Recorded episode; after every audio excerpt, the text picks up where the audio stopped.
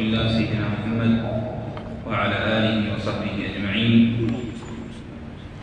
الحمد لله حمدا كثيرا طيبا مباركا كما يحب ربنا ويرضى. الحمد لله على نعمة الإسلام والحمد لله على نعمة الإيمان والحمد لله أن وفقنا على حمده إياه فله الحمد في الأولى والآخرة. سبحانك لك الحمد كما ينبغي لجلال وجهك وعظيم سلطانك. ونستمر في هذه السلسلة المباركة وقفات تدبرية وإيمانية مع جزء ثلاثين. وقد وصلنا إلى سورة القارعة والتكاثر. وهاتين السورتين والتين قبلهما سورة الزلزلة والعاديات. كما قال العلماء هؤلاء الأربع سور تتكلم عن أهوال يوم القيامة وعن أحداث يوم القيامة. الله عز وجل قال في سورة الزلزلة إذا زلزلت الأرض زلزالها وأخرجت الأرض أثقالها هذه من أحداث يوم القيامة. ثم قال في سورة العاديات أفلا يعلم إذا بعثر ما في القبور وحصل ما في الصدور واليوم بإذن الله عز وجل نلقيكم مع سورة الطالعة وسورة التكاثر. فقال سبحانه وتعالى مبتدئا في سورة الطالعة بقوله سبحانه القارعة هكذا. اسم وصوت رنان. يقطع القلوب ويصدع في الآلام.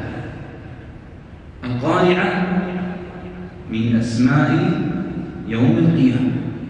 كالطامة كالصاخة وسميت قارعة لأنها تقرع القلوب وتهزها. نسأل الله العافية. قال القارعة. فيقف الإنسان يتساءل ما القارعة ثم يرد الله عز وجل عليه الجواب فيقول وما أدراك ما القارعة؟ أي أنك لا تدرك كنه هذه الأيام العظام ولن تعرف حقيقة يوم القيامة وما أدراك ما القارعة؟ لأنك لن تدرك ولن تعلم ولن تدرك حقيقة يوم القيامة. لكن سيخبرنا سبحانه وتعالى بما يحدث يوم القيامة. أما حقيقة هذا اليوم العظيم لن يستطيع الإنسان أن يدركه حق الإدراك إلا إذا عاينه نسأل الله العافية. لذلك قال سبحانه وما أدراك ما القارعة ثم ذكر صفات هذا اليوم. الآن عندما يقول لك شخص هناك رجل عظيم مخوف جبار أنت الآن تتخيل الشيء لكن إلى الآن لم ترى ثم إذا قال لك هذا الرجل إذا تكلم أسمع وإذا ضرب أرجع. الآن أنت علمت بعض الصفات منه لكن حقيقة هذا الشخص لم ترى الله عز وجل يصف لنا يوم القيامة. وبعض صفات يوم القيامة لكن حقيقة هذا اليوم لن نعرف حقيقتها إلا إذا عيناها لذلك قال وما أدراك ما القارعة؟ يوم يكون الناس كالفراش المبثوث. في هذا اليوم يكون الناس كالفراش المبثوث. والمقصود بالفراش هنا ليس الفراش المعروف إنما يقصد به الجراد. كما قال جل وعلا كأنهم جراد منتشر. وصفة الجراد أنه يطير في الظلام دون ترتيب ودون هداية فيرتطم ببعضه بعضا وبعضه يسير إلى الشمال وبعضهم إلى اليمين وبعضهم إلى الأعلى وبعضهم إلى الأسفل. لا يرام شيئا حتى إذا أوقدت له النار اتبعوها ووقعوا فيها فماتوا واحترقوا. هكذا يصف الله عز وجل يصف أحوال الناس يوم القيامة. قال يوم يكون الناس كالفراش المبثوث يخرجون من قبورهم لا يعلمون إلى أين سيسيرون. كل يمشي متفرق في زمرات وفي جماعات شتى. قال يوم يكون الناس كالفراش المبثوث وتكون الجبال كالعلم المنفوش. أي هذا الجبل العظيم الراسي الذي تراه في هذه الدنيا سيكون يوم القيامة كأنه علم منفوش. هذه الورقة الآن لو ألقيتها كأنها صوب خفيف ماذا يحدث تطير وترى الجبال تمر مر الصحراء. والإنسان يحسبها جامدة وهي تمر مر السحاب. الله عز وجل يوم القيامة قال ينسفها ربي نسفا. هذه الجبال العظيمة ستصبح يوم القيامة كأنها عهن منفوش خفيفة تطير من أهوال الموت قال وتكون الجبال كالعهن المنفوش. في هذا الوقت العظيم وفي هذا الموقف الهائل ينقسم الناس إلى قسمين. قال الله جل وعلا فأما من ثقلت موازينه أي بالطاعات والخيرات والأعمال الصالحات فهو في عيشة راضية أي في عيشة مرضية.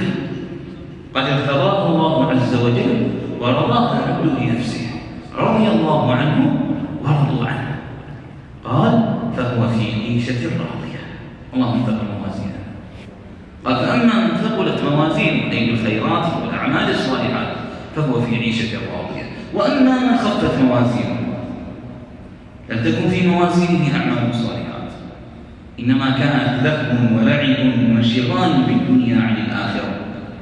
فخفت موازينه فأمه هاوية. وقال العلماء معنى أمه هاوية أي رأسه هاوي. وقال بعضهم أي أن مصدره الأم هي الذي يذهب إليها للحنان وللانكسار بين يديها قال سيروي إليها. وما هذه الهاوية؟ قال الله عز وجل بعدها وما أدراك ما هي؟ أي هذه الهاوية؟ نار حامية. أمه هاوية أي سيلقى على رأسه في نار يهوي بها على رأسه. نسأل الله العافية. لماذا؟ ويستقر بها. لماذا؟ لأن موازينه قد خفت. أما من ثقلت موازينه فهو في عيشة راضية في جنة عالية من خفت موازينه؟ أمه هاوية وما أدراك ما هي؟ نار حامية. ما الذي أورده هذه النار الحامية؟ وما الذي جعله في الهاوية؟ السورة التي بعدها تبين ذلك. سبب ورود النار الانشغال بالحياة الدنيا وما هذه الحياة الدنيا إلا نعيم ولهو ولعب. لذلك قال الله عز وجل بعدها ألهاكم التكاثر. اللهو. وقال ألهاكم التكاثر ولم يذكر سبحانه وتعالى المتكاثر به يعني لم يقل ألهاكم التكاثر بالأموال ولم يقل ألهاكم التكاثر بالأولاد إنما أطلقها. ألهاكم التكاثر التفاخر في كل شيء. فمن الناس من يتفاخر بالمال ومنهم من يتفاخر بالجمال ومنهم من يتفاخر بالمنصب ومنهم من يتفاخر بالعلم ومنهم من يتفاخر بالمنطق ومنهم من يتفاخر بالمجادلة ومنهم من يتفاخر الخيرة ومنهم ومنهم ومنهم ومنهم ألهاكم التكاثر يعددون أعمالهم أمام الناس من أجل رئاء الناس. يقول فعلت وفعلت وفعلت وأنا كذا وكذا وكذا. ويستكثر من هذه الدنيا دون حاجة. ألهاكم التكاثر حتى زرتم المقابر. وهذه كناية عن الموت. ولا يقصد بها حتى زرتم المقابر أي ذهبتم المقابر لتروا الأموات. إنما حتى متم وحملتم على الجنائز وأتوا بكم إلى المقابر. ألهاكم التكاثر حتى متم ولم تقدموا على الله عز وجل بعمل صالح. ولن تقدموا على الله عز وجل بأعمال صالحة تقربكم إلى الله وتثقل موازينكم إنما ألهاكم التكاثر وخفت موازينكم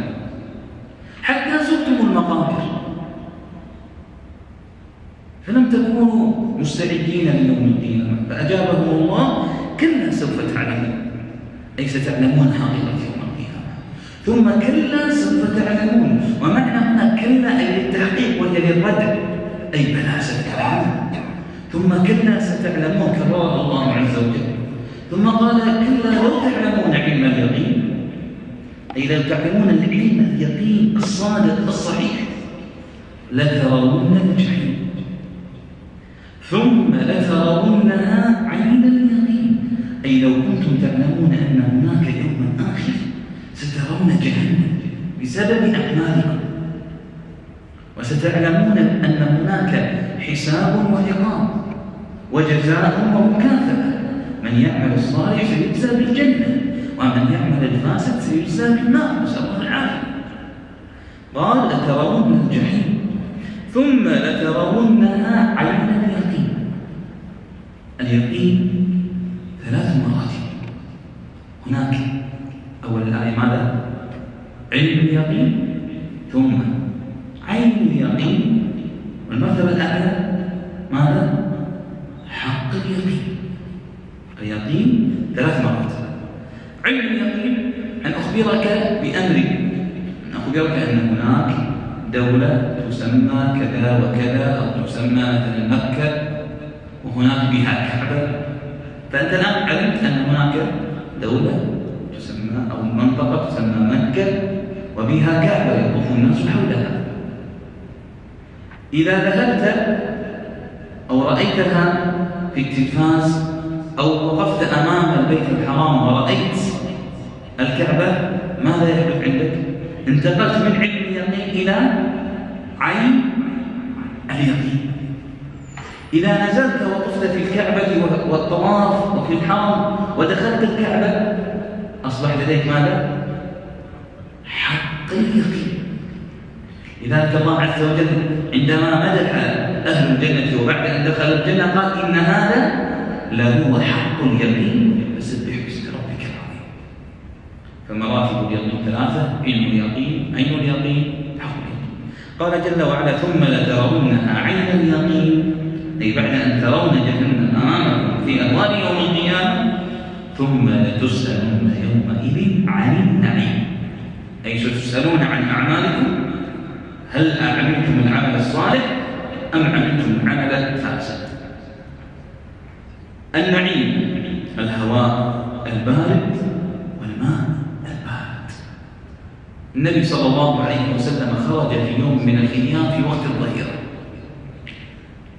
فرأى أبو بكر الصديق رضي الله عنه فقال يا أبا بكر ما أخرجك؟ قال يا رسول الله أخرجني الجوع قال النبي صلى الله عليه وسلم الله ما أخرجني إلا الجوع ثم مضوا فإذا عمر رضي الله عنه قالوا ما أخرجك؟ قال أخرجني الجوع فقال أخرجنا الذي أخرجك خير البشرية أفضل من وقع الأرض خرج في الظهيرة يلتمس الماء البارد حتى استضافهم أحد الصحابة رضي الله عنهم فجعل لهم التمر والماء البارد وشربوا من اللبن حتى إذا شربوا ورووا عطشهم قال النبي صلى الله عليه وسلم بعد ذلك والله لتسألن يومئذ عن النعيم هذا ما بارد وتمر كيف بنا في هذا النعيم الذي قد أنعم الله عز وجل علينا؟ هل شكرنا هذا النعيم؟ هل عملنا هذا النعيم؟ أرشدنا الله عز وجل بقاعدة مختصرة بعد أن قسم سبحانه وتعالى فدلنا بأعمال تثقل موازيننا؟ قال والعصر.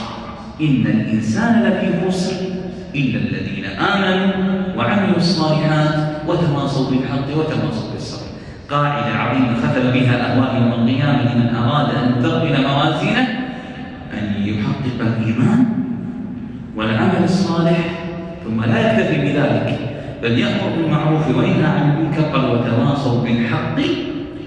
أي أمروا بالمعروف ونهوا عن المنكر وتواصوا بالصبر أي صبروا على ما نصيبهم من البلاء من الشهوات والشبهات اللهم اجعلنا ممن ثقلت موازينهم ولا تجعلنا ممن خفت موازينهم. اللهم اجعلنا ممن آمنوا وعملوا الصالحات وتواصوا بالحق وتواصوا بالصبر. والحمد لله رب العالمين. وجزاكم الله خيرا. ما أحسن